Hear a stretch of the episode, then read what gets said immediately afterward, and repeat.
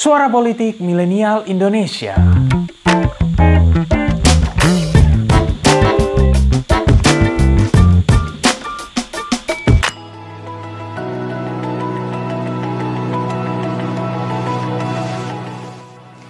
Kekayaan alam Indonesia memang luar biasa.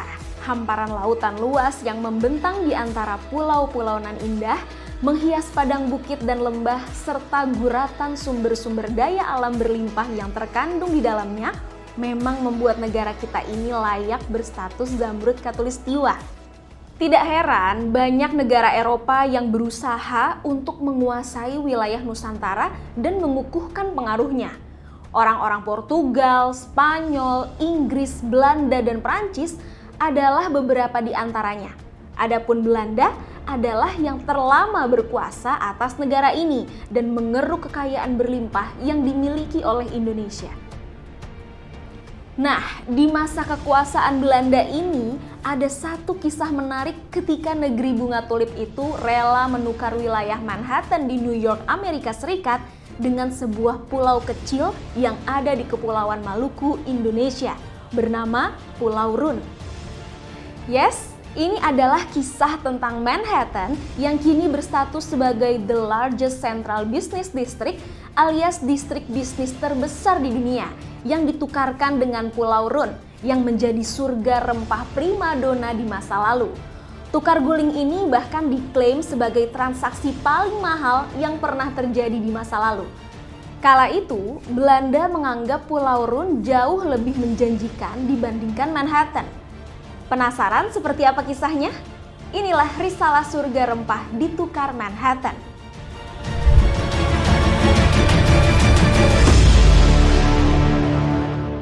Buat yang belum tahu, Pulau Run merupakan salah satu pulau terkecil yang ada di Kepulauan Banda yang terletak di Provinsi Maluku. Pulau ini adalah surga buah pala atau yang nama latinnya Myristica fragrans yang kala itu terkenal hingga ke segala penjuru dunia. Beberapa sumber, misalnya dalam Sejarah Nasional Indonesia, kemunculan penjajahan di Indonesia terbitan Balai Pustaka, bahkan menyebutkan bahwa Pulau Run adalah satu-satunya pulau di abad ke-16 yang ditumbuhi oleh pohon pala. Dikisahkan bahwa di tahun-tahun tersebut, Inggris yang tengah menghadapi wabah penyakit bubonik meyakini bahwa pala adalah jawaban untuk pengobatan penyakit. Awalnya, Inggris mendapatkan rempah-rempah dari perdagangan di Venesia, Italia, dan Lisabon, Portugal. Namun harga jualnya sangat mahal.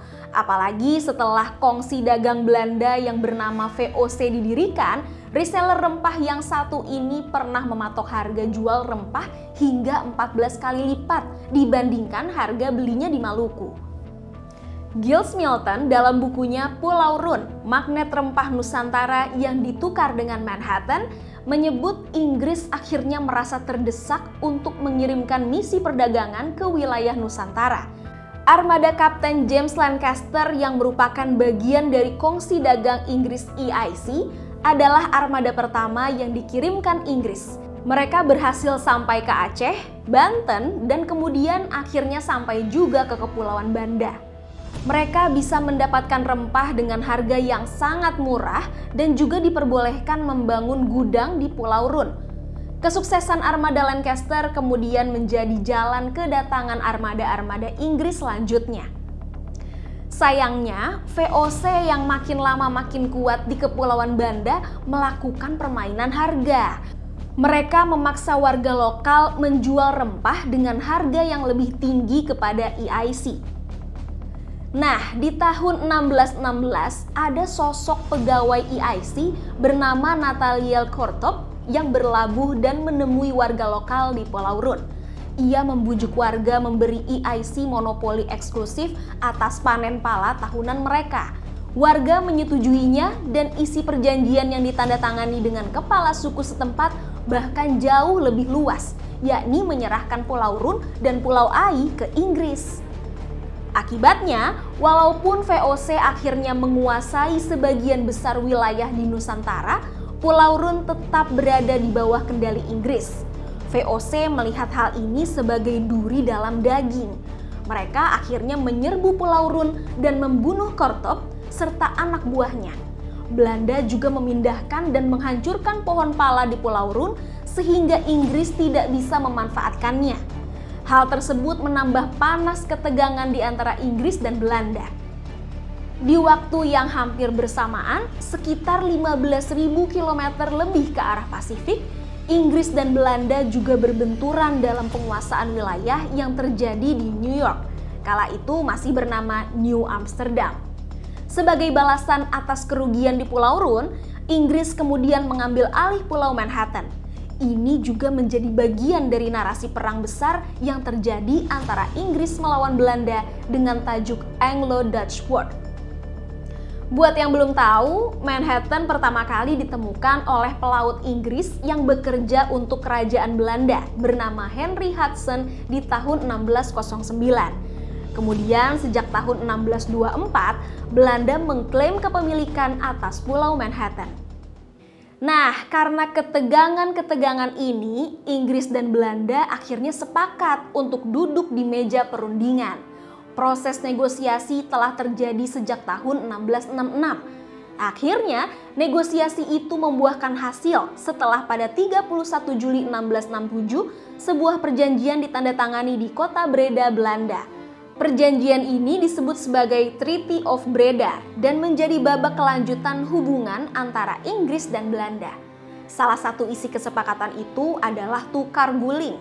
Inggris sepakat mengembalikan Pulau Run kepada Belanda sedangkan Belanda menyerahkan Pulau Manhattan kepada Inggris. Setelah Treaty of Breda, ketegangan terkait sengketa Pulau Run memang mereda. Namun, benturan-benturan antara Inggris dan Belanda tetap saja terjadi di periode perang-perang selanjutnya. Hanya saja setelah dikuasai oleh Belanda, pesona Pulau Run meredup. Ini karena kecerdikan Inggris yang memindahkan pohon-pohon pala ke sejumlah koloninya misalnya di Sri Lanka, Singapura, dan Grenada di Karibia. Sebagai tambahan, Grenada kini jadi pengekspor pala terbesar kedua di dunia. Kisah Pulau Run dan Pulau Manhattan kini ada di jalur yang berbeda. Manhattan jadi pusat dunia.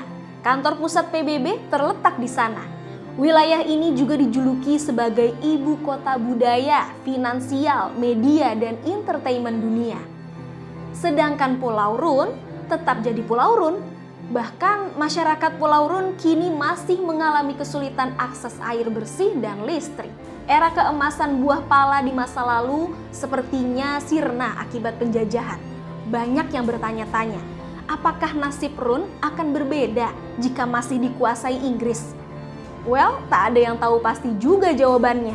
Yang jelas, takdir sudah menentukan dan garis sejarah sudah digoreskan.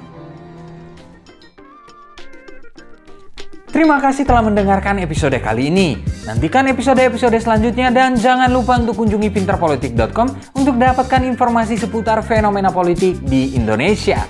See you next time and bye-bye.